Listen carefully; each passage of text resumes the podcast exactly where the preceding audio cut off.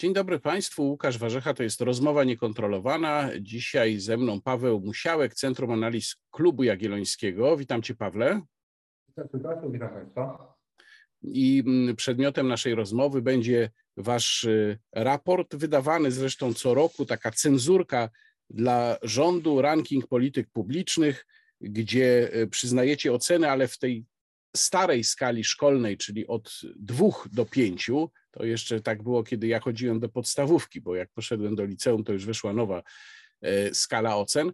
Natomiast muszę tutaj zrobić pewne wprowadzenie dla naszych widzów i także dla ciebie i mm, uprzedzić, że ja trochę wyjdę z roli prowadzącego rozmowę z ekspertem. Zwykle, kiedy rozmawiam z ekspertem, to mm, staram się mm, różnych rzeczy dowiedzieć i w miarę możliwości nie zajmuję stanowiska. Tu muszę powiedzieć, że przeglądając wasz y, raport, wasz ranking, no jednak byłem w paru miejscach mocno zdziwiony i odczuwam taką potrzebę nawiązania polemiki albo przynajmniej wypytania o powody bardzo dokładnie pewnych ocen, więc tu proszę i widzów, i ciebie o wybaczenie, że bardziej może tu wejdę w rolę polemisty w pewnych sprawach niż prowadzącego.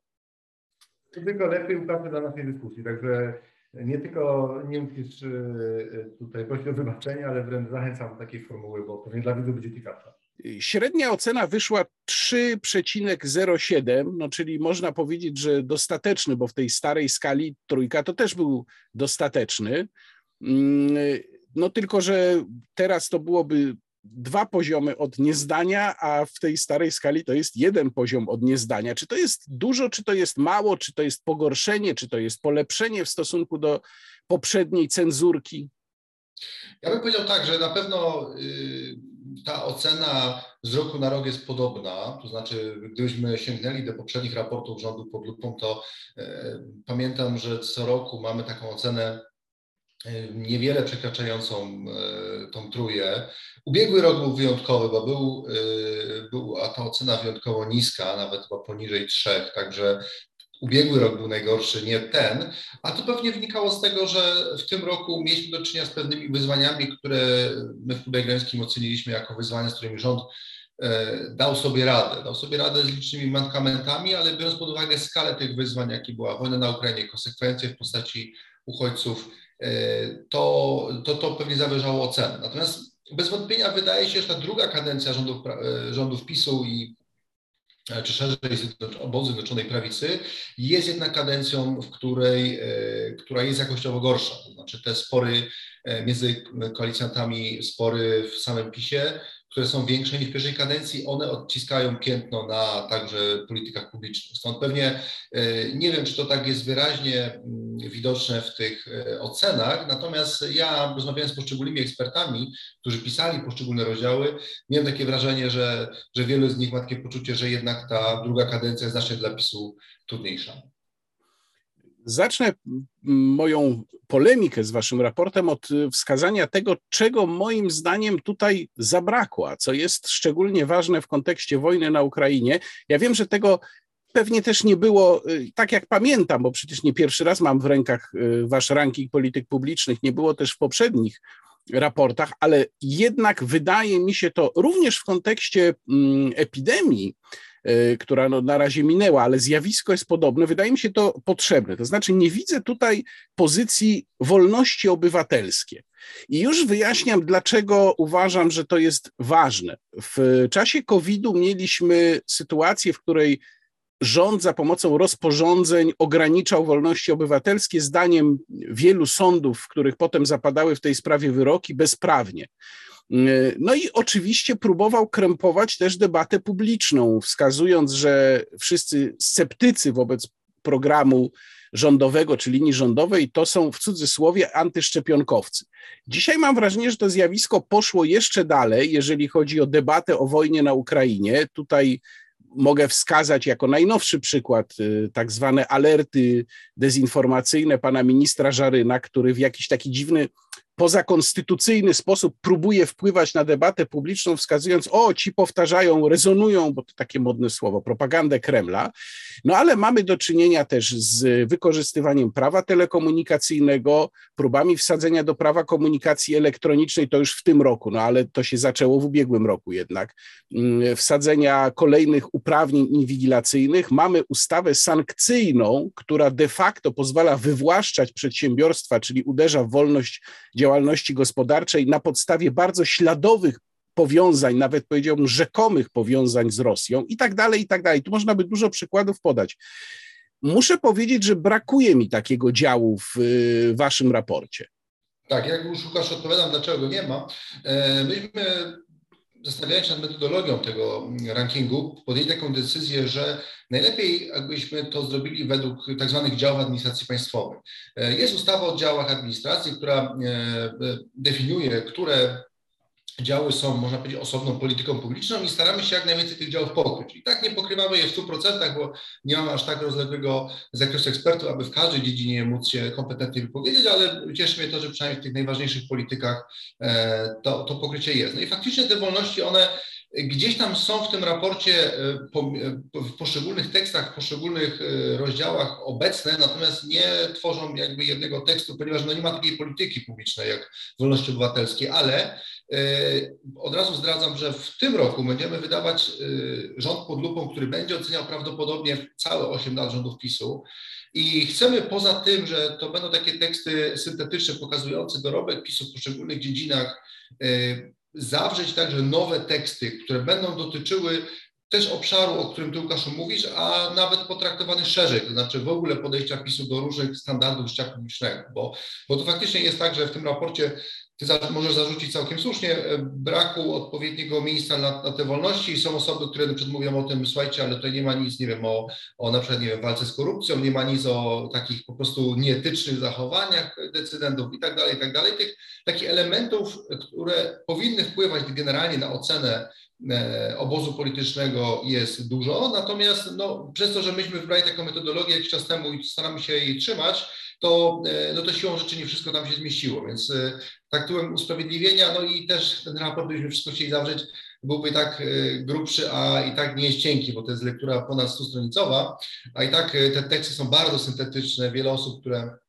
ekspertów, którzy czytają poszczególne rozdziały, zawsze zwracają się do nas, dlaczego to nie jest rozwinięte, dlaczego nie ma tego i tamtego. Zawsze nasza odpowiedź brzmi, bo chodzi o to, aby stworzyć taki raport, który dla przeciętnego Kowalskiego byłby w miarę zrozumiały, to znaczy nie zawierałby przesadnej ilości detali, e, więc to jest taki kompromis trochę z rzeczywistością. To znaczy ceną za to, że to jest dość popularna lektura jest to, że musieliśmy ograniczyć też wątki i, e, no, i ująć je w sposób jak najbardziej syntetyczny ja starałem się znaleźć te wątki dotyczące ograniczeń praw obywatelskich. Patrzyłem między innymi, to było pierwsze miejsce, które odwiedziłem, dział w dział polityka bezpieczeństwa wewnętrznego, no ale powiem szczerze, że nie znalazłem. To znaczy znalazłem jedną rzecz dotyczącą inwigilacji, dotyczącą Pegasusa, tak, i, i to rzeczywiście jest, no i kwestia kontroli nad służbami specjalnymi, natomiast no niestety muszę powiedzieć, że przynajmniej w tym dziale tych spraw, o których ja mówię, nie ma, ale być może one są gdzieś indziej, a jeżeli nie ma, no to pewnie warto się nimi zająć.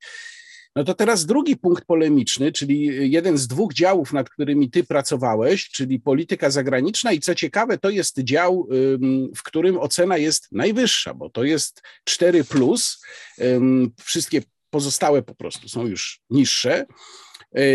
Y, i ta, w tym dziale ta wysoka ocena wypływa w dużej mierze z y, kwestii wojny na Ukrainie. E, no i tutaj muszę powiedzieć, że bardzo trudno mi się z tak wysoką e, oceną zgodzić. Pierwsza kwestia jest taka, że e, ja, gdybym, gdybym ja pisał ten dział, to uwzględniłbym z całą pewnością to, że cała polityka rządu, mam wrażenie, od samego początku tego konfliktu opiera się właściwie na tylko jednej ścieżce myślenia, czyli którą mógłbym nazwać bardzo pozytywną, czyli że wszystko się potoczy dla nas dobrze. Nie ma tutaj myślenia wariantowego, jeżeli chodzi o ten konflikt. I dziwię się trochę, że tego nie zauważyłeś.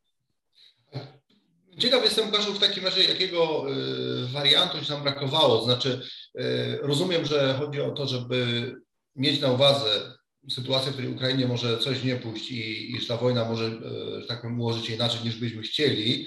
Natomiast pytanie, jak to się powinno przełożyć na działania władz, bo ja nie za bardzo widzę, jakie działania inne rząd powinien podjąć, nawet zakładając, że ten scenariusz jest, może być negatywny. Szczerze powiedziawszy, to w polityce obronnej, kiedy zobaczymy na tak duże zakupy zbrojeniowe, to moim zdaniem ja sobie zadaję takie pytanie, mieliśmy w klubie też taką wewnętrzną dyskusję, co, jak ocenić te gigantyczne gigantyczną ilość pieniędzy, którą wydajemy na nowe czołgi, e, e, samoloty, na całe uzbrojenie, bo przecież Rosja pokazała dużą słabość i, i zanim, zanim, że tak powiem, zamknie temat Ukrainy, to wiele wody w Wiśle upłynie i, i moim zdaniem ta Rosja dzisiaj jest znacznie słabszym zagrożeniem niż była przed wojną. I, I, pytanie, czy to nie są pieniądze wyrzucone, znaczy to nie są pieniądze, które można by skonsumować na zupełnie inne, inne cele, ponieważ będzie to bardzo duże obciążenie dla finansów publicznych. I właśnie w odpowiedzi słyszałem też ze strony osób, które są blisko decydentów, że właśnie to jest trochę zabezpieczenie się na ten negatywny scenariusz. To znaczy, to jest tak, że dzisiaj jeszcze możemy liczyć na, na udział Stanów Zjednoczonych e, w, w naszej części kontynentu. Stany są mocno zaangażowane w pomoc e, wszechstronną Ukrainie, ale wszyscy dobrze wiemy, że tak, ten docelowy przeciwnik e, Stanów Zjednoczonych, Chiny, będą wymagały od Stanów Zjednoczonych coraz dalej idącego zaangażowania na Pacyfiku i to będzie oznaczało, że tą Europę będą chciały zostawić jeszcze nie zostawiły. Na szczęście Rosja na tyle mm, stworzyła y, sytuację, w której no, wymusiła to, to zaangażowanie Stanów Zjednoczonych, ale rozumiem, że w, że w założeniu polskich decydentów jest tak, że my będziemy być może skonfrontowani za 10-15 lat e, z Rosją już albo znikłym, albo w ogóle bez jakiegoś istotnego zaangażowania Stanów Zjednoczonych. I są te duże zakupy wojskowe. Więc to jest moim zdaniem, Łukasz, chyba odpowiedź na ten e, czarny scenariusz, o którym ty mówisz, a którym rząd e, miał nie wziąć pod uwagę. No to tutaj muszę z kolei powiedzieć, że w takim razie nie bardzo rozumiem, skąd taka wysoka ocena w polityce obronnej, gdzie pojawia się kwestia przekazywania e, uzbrojenia Ukrainie, bo to uwzględniacie i to zauważacie i to oceniacie dobrze, natomiast w ogóle nie bierzecie pod uwagę poziomu zastępowalności tego, co my przekazujemy. Mm, wiadomo, no bo to są, czy rząd tego nie mówi niestety i to też moim zdaniem należałoby zauważyć, że rząd się z tej pomocy w ogóle nie rozlicza przed obywatelami. Natomiast y, eksperci wskazują, że chociażby w broni pancernej, no już w tej chwili potrzebujemy co najmniej kilku lat, żeby odtworzyć nasze zdolności. No i teraz, jeżeli to połączyć z takim wariantowym myśleniem o przebiegu konfliktu, to można by zarzucić waszemu raportowi, że tą kwestią, czyli y, osłabianiem własnych zdolności obronnych, w ogóle się tutaj nie zajęliście. Oceniacie jednoznacznie pozytywnie oddawanie uzbrojenia Ukrainie, ale nie bierzecie pod uwagę tego, że jednocześnie nasza siła militarna spada. Jest oczywiście, Łukaszu, tak, że ten sprzęt, który oddajemy na Ukrainę, e, my będziemy mm, produkować czy importować na przestrzeni, e, na przestrzeni najbliższych lat, więc oczywiście mamy do czynienia z luką. Nie ma co ukrywać, że ta luka nie jest, nie jest mała w tym sprzęcie, zgoda. Natomiast są pytanie, co, jak postawimy na szali, co jest ważniejsze? Czy, czy to, że dajemy Ukrainie e, potężny zastrzyk dostaw, bo te czołgi T-72, które przekazaliśmy na Ukrainie w bardzo dużej liczbie, bo teraz tak naprawdę mówimy o tym uzbrojeniu e, po ostatnim spotkaniu w Rammstein w znacznie mniejszej ilości. Mówimy tutaj oczywiście o Leopardach, Abramsach, Leclercach, e, Challengerach, ale te wcześniejsze partie T-72, których Polska miała sporo, mówię o tych postsowieckich jeszcze czołgach starszej generacji, które i tak pewnie za, nie, za jakiś czas by wyszły z naszej służby, bo to już jest całkiem stary sprzęt, ale Ukrainie był potrzebny, ponieważ Ukraina e, potrafiła tym sprzętem się bardzo dobrze posługiwać, sama miała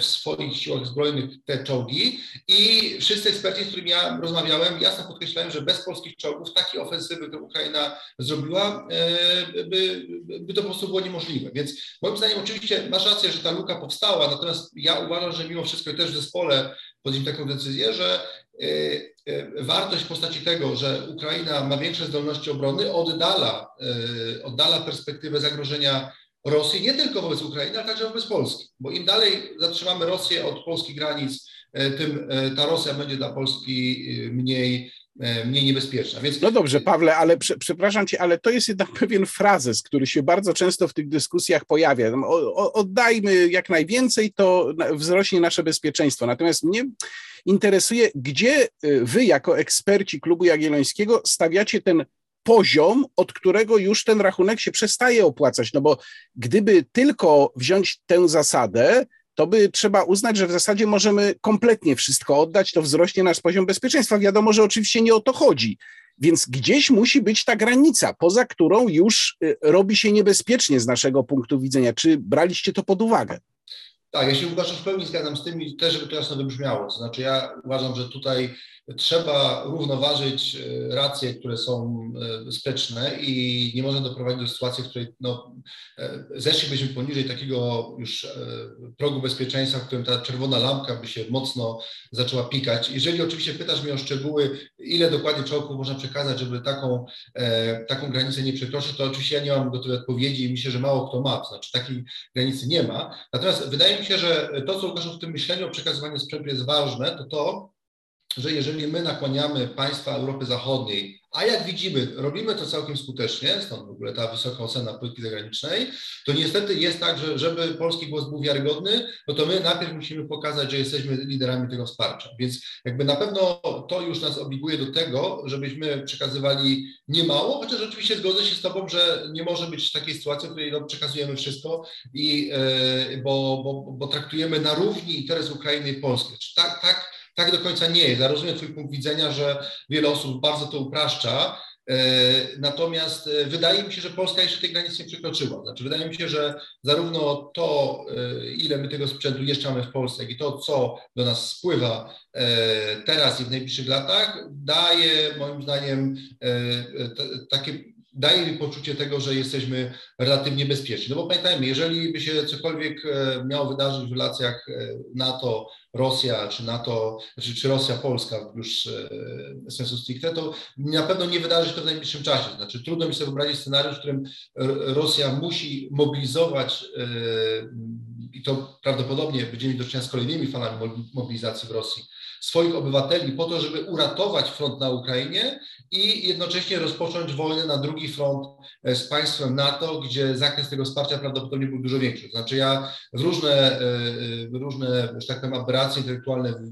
w Rosji jestem w stanie uwierzyć, no ale nie w to, że oni, e, że oni e, czegoś takiego by się podjęli. Oczywiście różnego typu groźby, działania hybrydowe, oczywiście tak, to wiemy, do czego jest Rosja zdolna, to już od wielu, od wielu, od dłuższego czasu prowadzi. Natomiast, natomiast w najbliższym czasie wydaje mi się, że skrajnie mało prawdopodobny scenariusz rosyjskiej agresji na Polskę.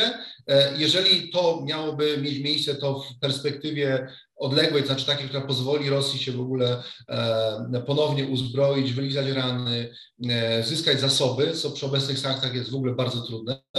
I myślę, że w tej perspektywie co najmniej dekady, my mamy już zarezerwowany sprzęt, który daje mi takie poczucie bezpieczeństwa, że, że, że ewentualna konfrontacja nie byłaby, e, nie byłaby dla nas e, porażką, a i tak oczywiście uważam, że to scenariusz bardzo prawdopodobny, bo uważam, że scenariuszem bazowym jest to, że Rosja po tej wojnie będzie tak e, dalece sparaliżowana, że na długie, długie lata będzie, będzie jej trudno podjąć jakikolwiek ofensyw wojennych, E, kto wie, czy nie na samej Ukrainie, a co dopiero za Ukrainą.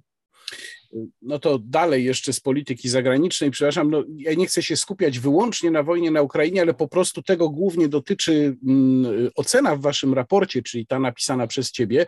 Na plus zaliczyłeś też y, izolację Rosji i piszesz tutaj między innymi tak, wśród najbardziej e, istotnych, chodzi o polskie propozycje, należy wymienić objęcie sankcjami handlu węglem, ropą naftową i jej pochodnymi oraz sankcje technologiczne pozbawiające przemysł zbrojeniowy niezbędnych komponentów. No tu muszę powiedzieć, że znów zabrakło mi e, oceny tego, jak i w jakiej perspektywie te sankcje wpływają na Rosję, a jak wpływają na Polskę i na Unię Europejską. No bo jednak widzimy tutaj bardzo różne oceny. Ja w, dopiero co na swoim wideoblogu powoływałem się na analizę Bloomberga, który wskazał, że rezerwy w wysokości ponad, ponad 40 miliardów dolarów trzymane przez Rosję w juanach przy cenie baryłki ropy Ural y, sięgającej 60 dolarów mogą być nawet y, powiększane, przy cenie około 50 dolarów pozwolą prowadzić wojnę przez kolejne trzy lata, tymczasem Europa ponosi no, wymierne straty. Ty tam mówisz też o węglu. Wprowadzenie embarga na rosyjski węgiel w kwietniu no, okazało się jednak strzałem w stopę, choć dzięki w miarę łagodnej zimie może te problemy nie są tak wielkie, ale gdyby zima była ostrzejsza, zresztą myślę, że wiele osób wciąż ma problem z zakupem węgla, to mogłoby być bardzo źle. Krótko mówiąc, no, jednoznacznie pozytywna ocena reżimu sankcyjnego którego skutki moim zdaniem no wcale nie są takie oczywiste i bilans też nie jest taki oczywisty. Łukasz, ja zacznę od tego, z czym się zgadzam. Na pewno y, to jest bardzo mało popularna teza, ale ja się z nią zgadzam. Pamiętam twoją rozmowę z Igorem Jankę sprzed wielu miesięcy, y, którą prowadziłeś i polemizowałeś z Igorem na temat tych sankcji wtedy y, dotyczących węgla.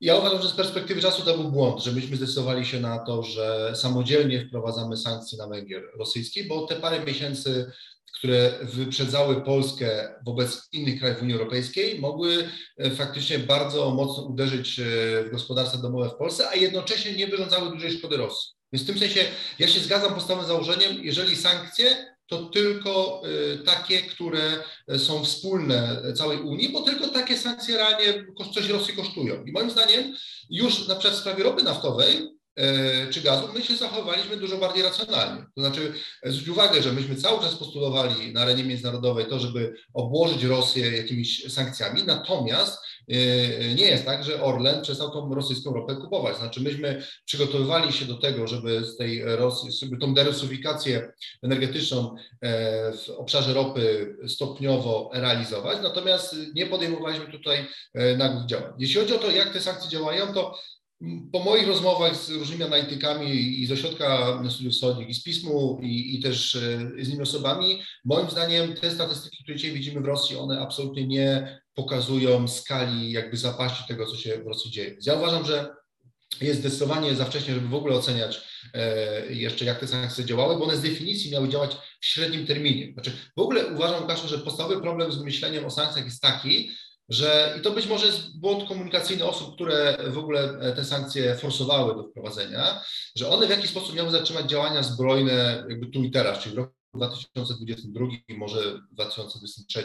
Tak oczywiście nie będzie, dlatego że Rosja do tej wojny przygotowała się od dłuższego czasu, zbierała swoje zasoby, ma rezerwy, ma rezerwy żeby tą wojnę jeszcze chciał sprowadzić. Natomiast te sankcje miały uderzyć, że tak powiem, w średnioterminowym e, e, okresie i to się dzieje. To znaczy, moim zdaniem to, co zrobiliśmy, jeśli chodzi o ropę, czyli nie embargo, ale ustalenie ceny maksymalnej jest majstersztykiem dlatego że to powoduje, że my, to, każdy kupuje rosyjską ropę, natomiast ta cena, e, no mówię wszyscy na świecie, bo jeszcze sankcje unijne to jest no, osobna sprawa, ale na świecie rosyjska ropa jest kupowana, ale po takich cenach, które pozwalają ledwie Rosji E, pokryć koszty produkcji z niewielką marżą. I moim zdaniem e, to jest dobra decyzja, dlatego że tej ropy na świecie nie brakuje. Gdybyśmy się zdecydowali tylko na embargo unijne, to wiadomo, że Rosja by tą, tą ropę wyeksportowała w inne kierunki na świecie. Natomiast właśnie dzięki temu mechanizmowi, który jest wprowadzony, to realnie w Rosję uderza. I już są sygnały, że sytuacja budżetowa Rosji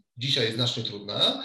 Więc gdybyśmy do, do tego dodamy te sankcje technologiczne, które ja uważam, że są tak naprawdę niedocenione, bo dzisiaj e, Rosja, która jest oparta na surowcach, nie jest zdolna do tego, żeby e, inwestować w nowe złoża w trudniejszych regionach arktycznych, gdzie indziej, bo tam po prostu te zachodnie technologie były nieodzowne. Więc moim zdaniem to, co dzisiaj zrobiliśmy, już paraliżuje Rosję na, e, na wiele dekad. Oczywiście pytanie, czy sankcje nie są zniesione w jakiejś perspektywie. No właśnie, razie... dobrze, dobrze, to z, y, ja się zgadzam co do tego, że y, źle została przekazana, źle zostało przekazane oddziaływanie sankcji. Sam to zresztą mówię, że one mogą wpłynąć w dłuższym okresie, nigdy z tym nie dyskutowałem.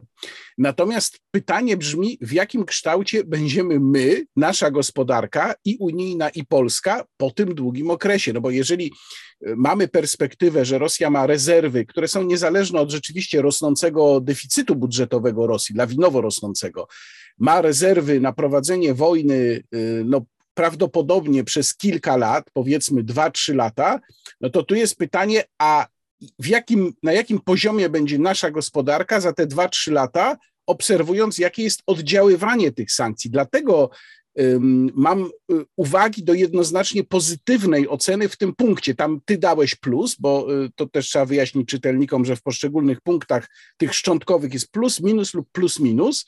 No więc y, gdybym ja to pisał, to raczej bym dał powiedzmy plus, minus, bo jednak moim zdaniem ten bilans nie jest jednoznaczny.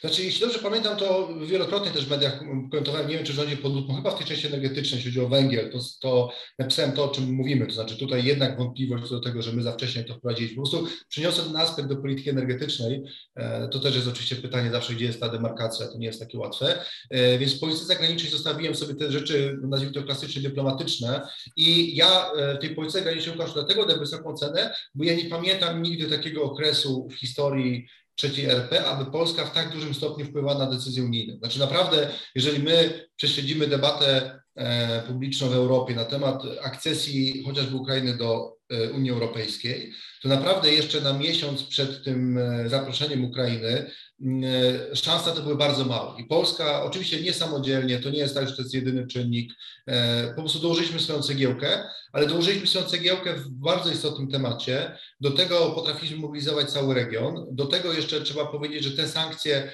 też, które były wprowadzone na Rosję, one częściowo też były przygotowane przez Polskę. Wiem, bo też rozmawiałem z pracownikami z MSZ-u, którzy sami przygotowywali też chociażby listę personalną sankcji, którą Unia Europejska była gotowa wprowadzić zaraz po 24 lutego, tak szybko podjęta decyzja była możliwa tylko dlatego, że Polska po prostu zmapowała wcześniej e, Rosjan, którzy byli za te sankcje odpowiedzialni. E, no i też tego typu sytuacja, w której my mówimy Niemcom, co mają robić, oni nie chcą, ale finalnie wychodzi na to, że, że my mieliśmy rację, też po prostu wizerunkowo poprawia nasze, nasze dotowania. Więc myślę, że ten, ten rok w Policji Zagranicznej akurat był wyjątkowo dobry, chociaż, chociaż oczywiście mówię, daleko jestem od tezy, że, że, że no gdyby nie Polska, no to ta, e, ta wojna nie wiem, wyglądałaby jakoś radykalnie inaczej.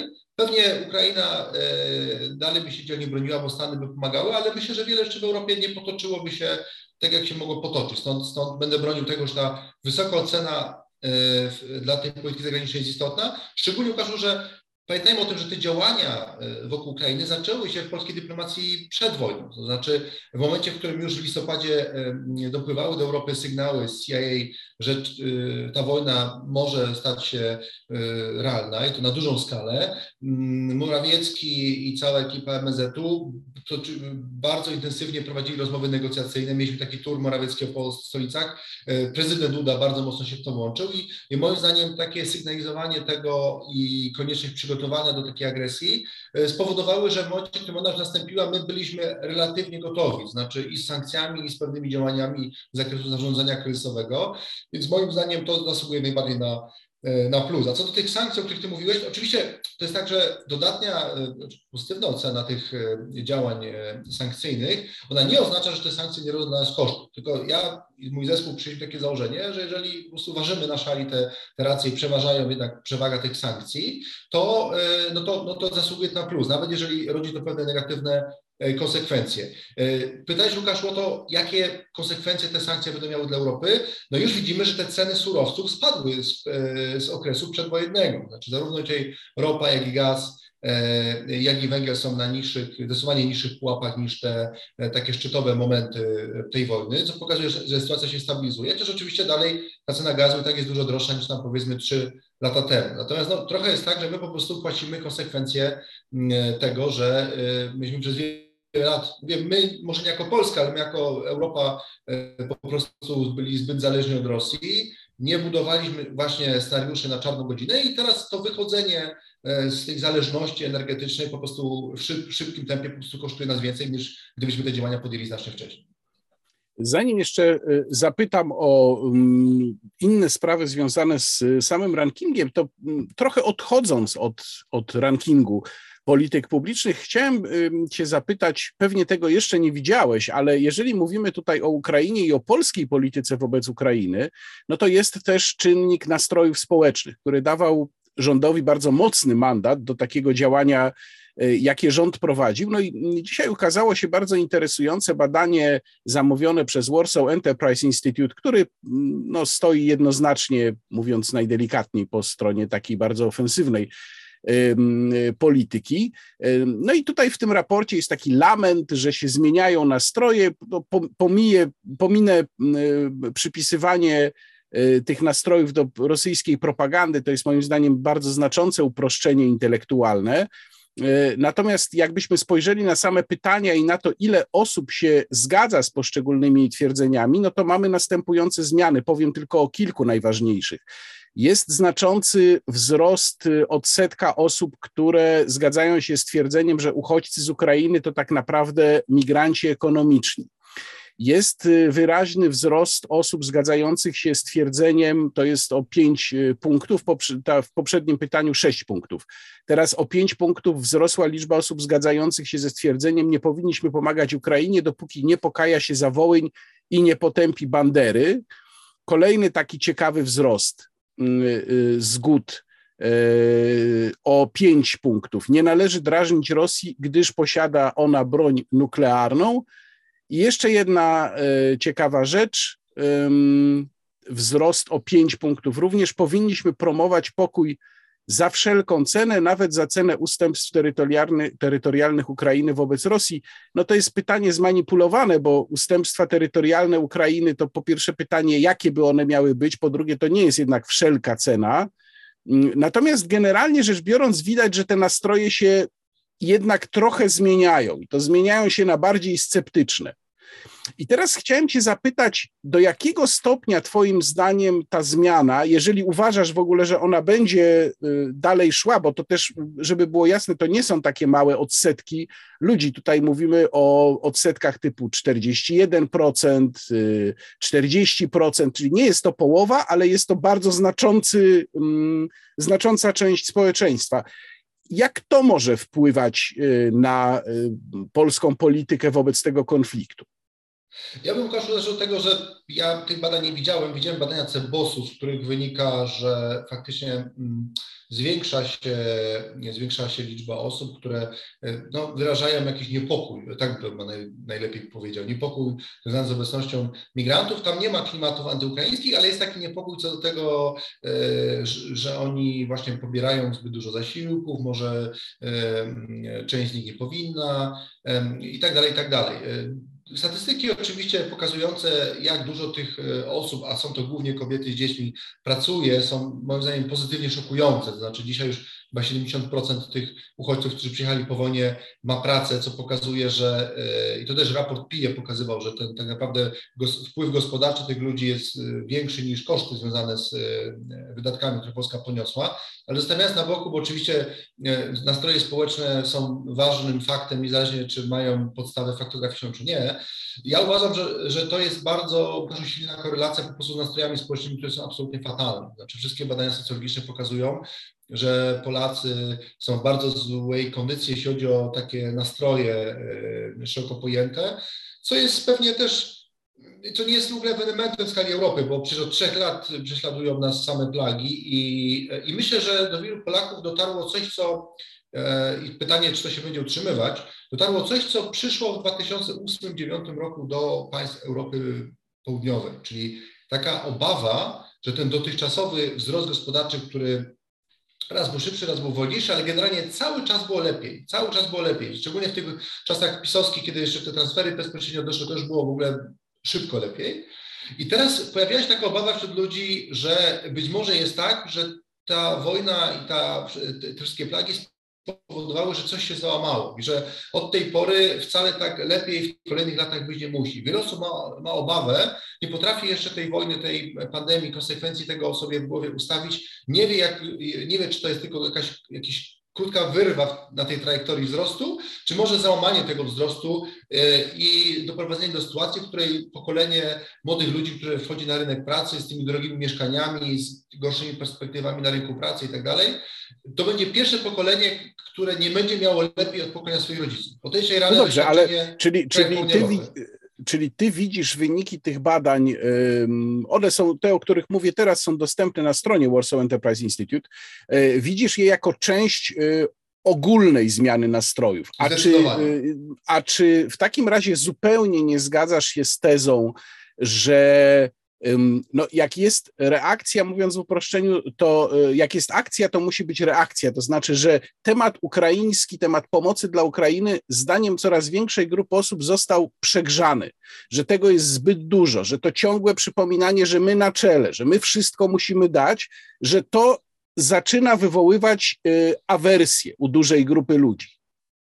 Wiesz to sama pomoc dla Ukrainy wydaje mi się, że jednak e, na tle najlepiej na te badania Cebosu była tam bardzo gremialnie poparta, e, bo też Polacy na tym budują swoje takie poczucie dumy, które nam bardzo brakowało, więc myślę, że w ogóle to się dobrze wpisuje też w jakieś nasze... To przepraszam, to ja, to ja, ci, to ja ci przerwę, przerwę ci, bo tutaj jest jedno pytanie, które może się odnosić do tego, o czym mówisz. Teraz patrzę znów na badania Warsaw Enterprise Institute.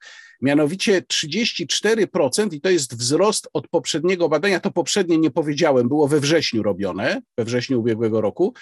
34% zgadza się z następującym stwierdzeniem. Powinniśmy zaprzestać dostarczania broni, bo to podpala dalej konflikt, który nie ma z nami żadnego związku. No, znów pytanie jest lekko zmanipulowane, bo połączono tu dwie kwestie, czyli dostarczanie broni, czy podpalanie konfliktu poprzez dostarczanie broni i stwierdzenie, że on nie ma z nami żadnego związku. To jest zmanipulowane pytanie. Niemniej, no, to jest już jedna trzecia badanych, którzy się z czymś takim zgadzają. Faktycznie, Łukaszu, ja to przeczytam zaraz po naszym programie, bo te dane faktycznie są bardzo odbiegające od tego, co ja widziałem w Cebosie. Natomiast e, komentując to powiem tak, ja absolutnie nie dziwię się e, rządowi, mimo że spotkało to się z krytyką, że w pewnym momencie przyciął kurek z tą pomocą, bo ja przypomnę, że na początku było tak, że rząd finansował e, te rodziny, które w swoim domu mm, gościły ukraińskich uchodźców, natomiast ta gościna była stopniowo wygaszana finansowo i mimo, że wiele osób mówi, że nie, to jest niehumanitarne i tak dalej, i tak dalej, to ja uważam, że rząd dobrze zrobił nie tylko z powodu jakby finansów publicznych i tego, że po prostu też te, e, e, ta fala uchodźców też została jakby zatrzymana, ale właśnie z powodu tego, żeby nie drażnić nastrojów społecznych. Znaczy ja uważam, że dzisiaj ta pomoc, która jest e, skierowana do Ukraińców, ona jest dobrze skalibrowana. Znaczy oni dzisiaj tak naprawdę przyjeżdżają, otrzymają tylko, nazwijmy taki pakiet podstawowy. Oczywiście jest tutaj dyskusja wokół, wokół 500+, bo to jest jakby taki najbardziej chyba drażliwy dla ludzi temat. Natomiast poza, poza tym 500+, tak naprawdę nie ma znaczących zasiłków, bo Polska też nie jest krajem, gdzie te zasiłki są e, po prostu tak jak na Zachodzie, w których po prostu pozwalają żyć bez pracy. Znaczy w Polsce tak się po prostu żyć nie da i, i moim zdaniem to, że Ukraińcy pracują e, i bardzo szybko odnaleźli się na polskim rynku pracy, e, to jest moja zasługa właśnie z jednej strony ich zaradności, a z drugiej strony tego, że nasz polski system po prostu motywuje do pracy i bardzo dobrze. Znaczy dlatego ja uważam, że też nie ma tych konfliktów. To też badania już te CEBOS-u pamiętam pokazywały, że Polacy nie mają problemu z Ukraińcami, ale pod jednym warunkiem, pod warunkiem, że uczciwie pracują. I moim zdaniem my powinniśmy dbać o to, żeby e, pewien, pewne wsparcie, jeżeli no, faktycznie okazałoby się, że mamy jakąś grupę, która, e, która w wyniku działań wojennych musi szybko jeszcze uciekać.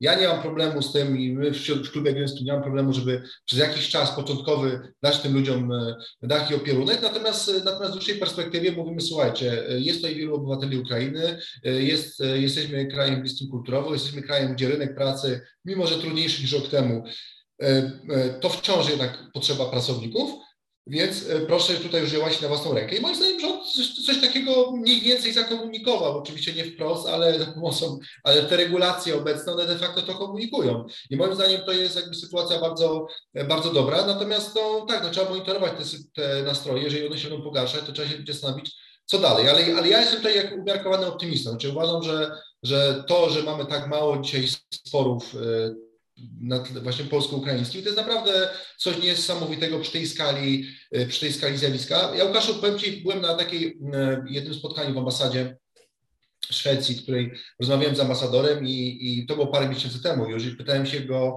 e, jak idzie integracja tych uchodźców, którzy przyjechali do Szwecji po 2015 roku. I on mówi, że coraz lepiej, mają różnego rodzaju szkolenia, e, mają różnego typu no, rozbudowaną politykę. No, wiadomo, Szwecja jest krajem imigranckim od wielu dekad. No i się pytam, no to w takim razie ile osób y, tam pracuje w, z, tej, z, tego grona, które przyjechały? No mówi, że już całkiem nieźle, już 30% staje na własnych nogach, a mówimy o 7 latach po 2015 roku. E, I się pytała, czy mamy najnowsze dane, jeśli chodzi jak to wygląda o Ukraińców w Polsce. Wtedy pamiętam, że już pracowało 50% po kilku miesiącach.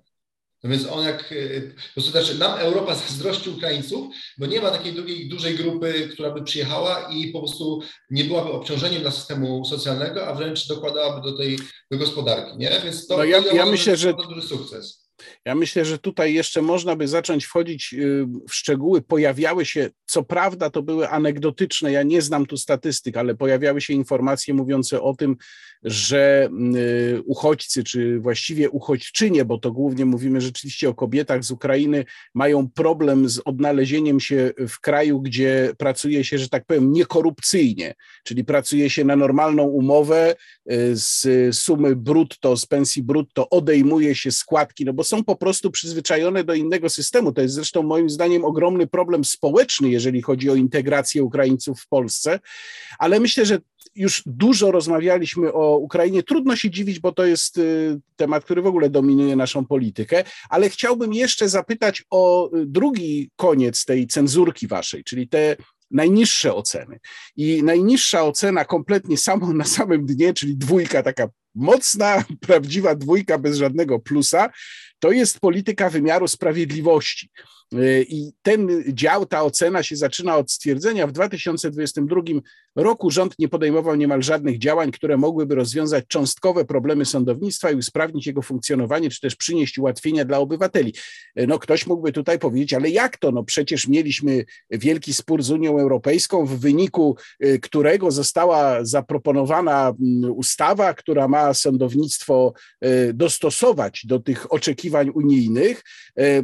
No i, no i właśnie, skąd taka y, skrajnie niska ocena i dlaczego w y, tej waszej ocenie, bo tutaj przeglądałem ją przecież, zresztą mam ją tutaj również przed sobą, no nie uwzględniliście właśnie tego, tej ustawy, którą nie wiem jak nazwać. No, ja ją nazwałem ustawą sądową, ona jest formalnie ustawą o, o zmianie ustawy o Sądzie Najwyższym i niektórych innych ustaw, natomiast niektórzy złośliwie nazywają ją ustawą, która po prostu rozwala system polskiego sądownictwa. No, to niewątpliwie miało tu jakieś znaczenie.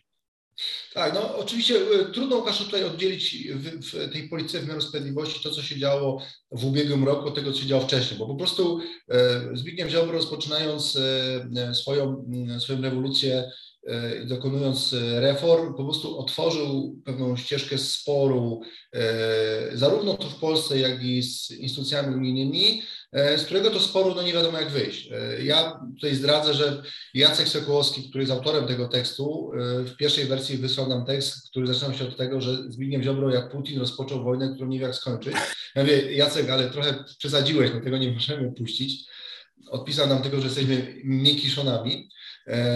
Może i tak jest, natomiast Natomiast faktycznie jest tak, że ta, ta nowelizacja, o której ty mówisz, wakacyjna, no ona oczywiście wprowadzała pewne zmiany, ale to nie były zmiany, które w jakiś istotny sposób zmieniły polski wymiar sprawiedliwości. To były zmiany tylko i wyłącznie nastawione po to, żeby odblokować kamienie milowe. Zresztą podobnie ta ustawa dzisiaj, która jest procedowana e, w Senacie, ma taki sam cel, to znaczy ona w bardzo niewielkim stopniu wpłynie na, na wymiar sprawiedliwości, bo dotyczy bardzo, nazwijmy to, takich drugorzędnych kwestii. No, test niezależności sędziego, czy on będzie rozszerzony, czy nie, on nie będzie miał dużej, e, dużego znaczenia. W związku z tym no, problem polega na tym, że Zbigniew Ziobro rozpoczął e, po prostu reformę w sposób skrajnie konfliktowy, e, który to konflikt był na tyle duży, że spowodował e, po prostu paraliż, dlatego że nie da się w politykach publicznych wprowadzić reformy, która dotyczy bardzo dużej grupy ludzi, totalnie wbrew e, jakby im, e, ich jakby emocjom, totalnie wbrew ich jakby stanowiskom. No niestety, tutaj, przepraszam, tutaj, tutaj się z Tobą zgadzam, ale muszę e, zaprotestować, kiedy mówisz, że ta ustawa, która w tej chwili jest procedowana, akurat rzeczywiście ona leży w Senacie,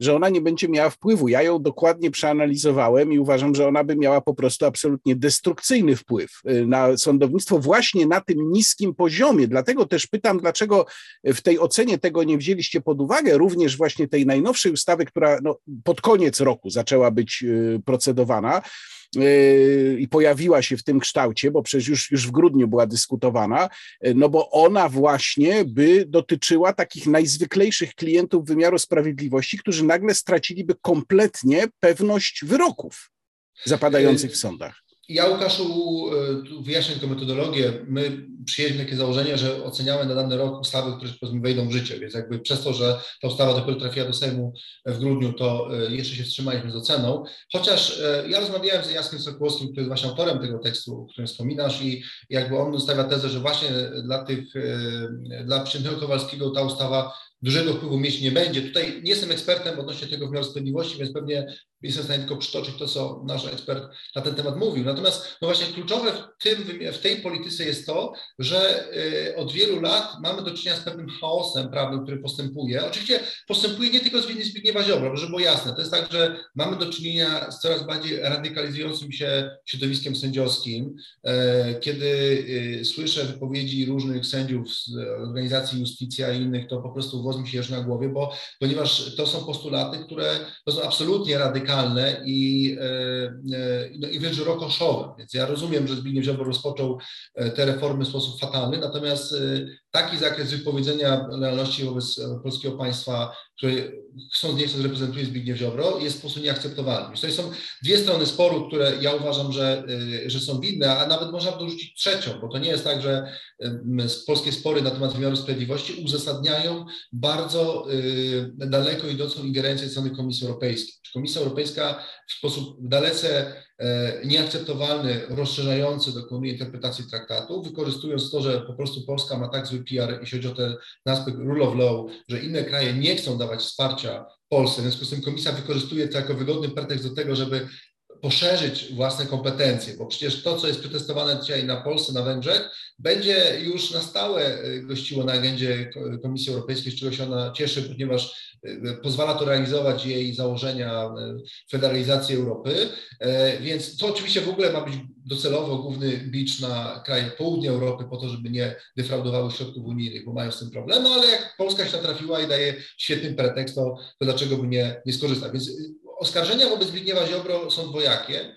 Takie, że doprowadzi do chaosu prawnego e, z jednej strony, ale z drugiej strony dał pretekst Komisji Europejskiej do tego, żeby pogłębiała federalizację, czyli Zbigniew Ziobro niestety osiągnął totalnie odwrotny efekt do zamierzonego, bo przecież jest politykiem, który deklaruje to, że polska suwerenność jest e, wartością nadrzędną, sprzeciwia się federalizacji, no ale e, polityka należy oceniać po efektach, a nie po, nie po deklaracjach i intencjach. No to jeszcze y, ostatnia kwestia, o, której, o którą chciałbym zapytać, to te pozostałe dwójki, z tym, że tym razem to są dwie dwójki z plusem, ale to wciąż y, są najniższe z ocen, bo w całej cenzurce są tylko trzy dwójki, o jednej już rozmawialiśmy i te pozostałe dwie dwójki to jest polityka edukacyjna i polityka szkolnictwa wyższego i nauki. Skąd tak y, dramatycznie niskie oceny w tych działach?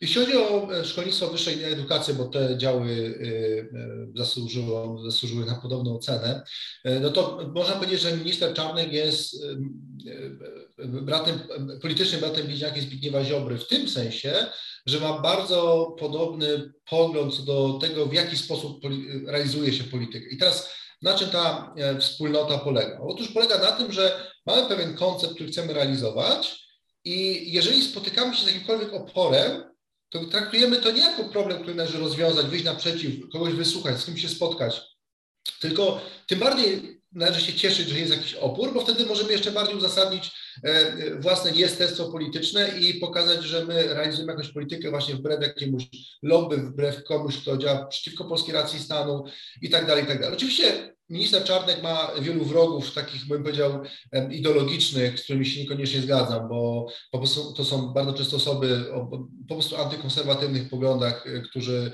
e, patrzą na ministra Czarnka bez w ogóle jakiejkolwiek analizy tego, co on robi. Natomiast uważam, że e, winą ministra jest to, że jakby nie prowadzi żadnego realnego dialogu, jakkolwiek wiem, że jest to wyświetlane słowo, no ale w tym przypadku ten brak dialogu jest tak radykalny, że, no, że nie sposób pozytywnie ocenić jego działania. To na bardzo prosty Łukaszu przykład, żeby nasi e, widzowie wiedzieli, o czym mówię. Mieliśmy słynną ustawę, e, która dotyczyła wzmocnienia roli kuratorów e, przy decyzji o rozszerzaniu zajęć szkolnych o dodatkowe zajęcia. No to minister Czarnek wprost powiedział, że motywuje to tym, aby środowiska LGBT nie wchodziły do polskich szkół. I teraz ja nie rozstrzygam, czy to jest zła motywacja, czy nie, czy inaczej. Rozstrzygam, ale zostawiam to sobie na bok.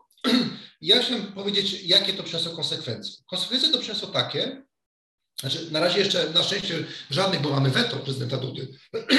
Natomiast jeśli ta ustawa by weszła w życie, to to spowodowałoby, że na przykład Klub Jagielloński, który przez wiele lat robił Akademię Nowoczesnego Patriotyzmu, czyli zajęcia e, w ponad 100 szkołach e, w każdym roku, przez które przewijały się kilka tysięcy uczniów, na których my e, wprowadziliśmy dodatkowe zajęcia, gdzie uczniowie wcierali się w rolę różnych parlamentarzystów, mieli przegłosować jakieś ustawy. Po prostu za pomocą takiego mechanizmu gry i zabawy uczyliśmy jak funkcjonuje system polityczny, po to, żeby pokazać oczywiście jego, jego słabości, ale też zachęcić ich w ogóle do polityki w jakikolwiek ciekawy sposób. Gdybyśmy chcieli ten projekt dalej kontynuować, którego już nie realizujemy od kilku z różnych przyczyn, to dzisiaj mielibyśmy bardzo duży problem. Musielibyśmy się ubiegać o zgodę kuratora. To by na pewno ten proces bardzo znacząco wydłużało, tworzyłoby biurokrację i prawdopodobnie spowodowałoby, że myśmy tego projektu byśmy nie zrealizowali, dlatego że między okresem, w którym my otrzymujemy finansowanie, a decyzją, którą my musimy mieć, aby ten projekt podjąć, po prostu mija, minęłoby zbyt dużo czasu, więc tak naprawdę ta ustawa nie tylko jest wymierzona w te środowiska, być może w intencje ministra tak, ale po prostu minister w toku e, konsultacji publicznych w ogóle nie zwrócił uwagi na te organizacje, które w ogóle nie mają w swojej agendzie postulatów LGBT, są po prostu e, organizacjami, które realizują bardzo często agendę blisko ministrowi Czarnkowi, bo przypuszczam, że krzewienie patriotyzmu jest czymś, na czym mu zależy, a finalnie jego działania doprowadziłyby do tego, gdyby nie weto prezydenta, że możliwości takich organizacji jak nasza w polskich szkołach były bardzo ograniczone. Czyli, czyli, zostało, czyli dziecko zostało wylane z kąpielą po prostu, tak? Dokładnie tak, dokładnie tak i niestety to jest e, konsekwencja tego, że jeżeli ma się podejście, e, że jeżeli e, na nas krzyczą, jeżeli nas atakują, to tylko dobrze, bo to tylko oznacza, że po prostu działamy słusznie i słychać wycie znakomicie, no to w takim razie, jeżeli ktoś ma takie podejście do polityki, no to, no to niestety poza tym, że e, odrzuca się te najbardziej skrajne e, e, emocje i, i, i krytykę, odrzuca się też po drodze wiele trzeźwych rekomendacji działań, zmian, które są po prostu niezbędne po to, żeby właśnie jakiś akt prawny nie stał się bublem. No niestety tutaj ministrowi to się nie udało, a jeśli chodzi o szkolnictwo wyższe, tutaj Łukaszu warto podkreślić to, że jednak e, przy, całej, przy całym zrozumieniu, że budżetówka nigdy nie będzie miejscem, gdzie się zarabia duże pieniądze, no to skala już upadku finansowego polskich naukowców jest już tak, tak głęboka, że grozi nam naprawdę zapaść e, tego szkolnictwa. To znaczy naprawdę dzisiaj jest tak, że na polskich uczelniach doktoraty zaczynają robić ludzie, którzy nie mają na siebie lepszego pomysłu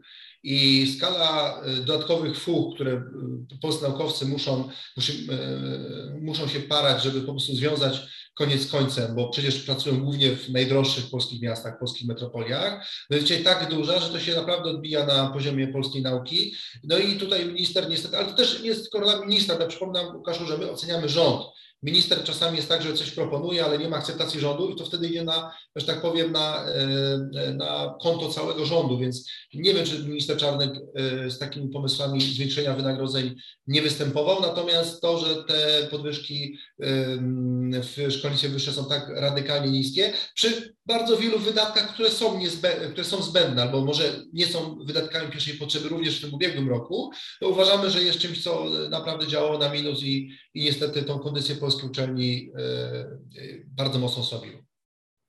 Bardzo Ci dziękuję za rozmowę. Całość raportu, czyli tej cenzurki, jest do znalezienia na stronach Klubu Jagiellońskiego. Link e, do tego opracowania znajdą Państwo w opisie tego filmu. Ja bardzo dziękuję. Moim gościem w rozmowie niekontrolowanej był Paweł Musiałek, szef Centrum Analiz Klubu Jagiellońskiego. Dziękuję. Dziękuję Łukaszu, dziękuję Państwu. A to była rozmowa niekontrolowana. Łukasz Warzecha, kłaniam się i do zobaczenia.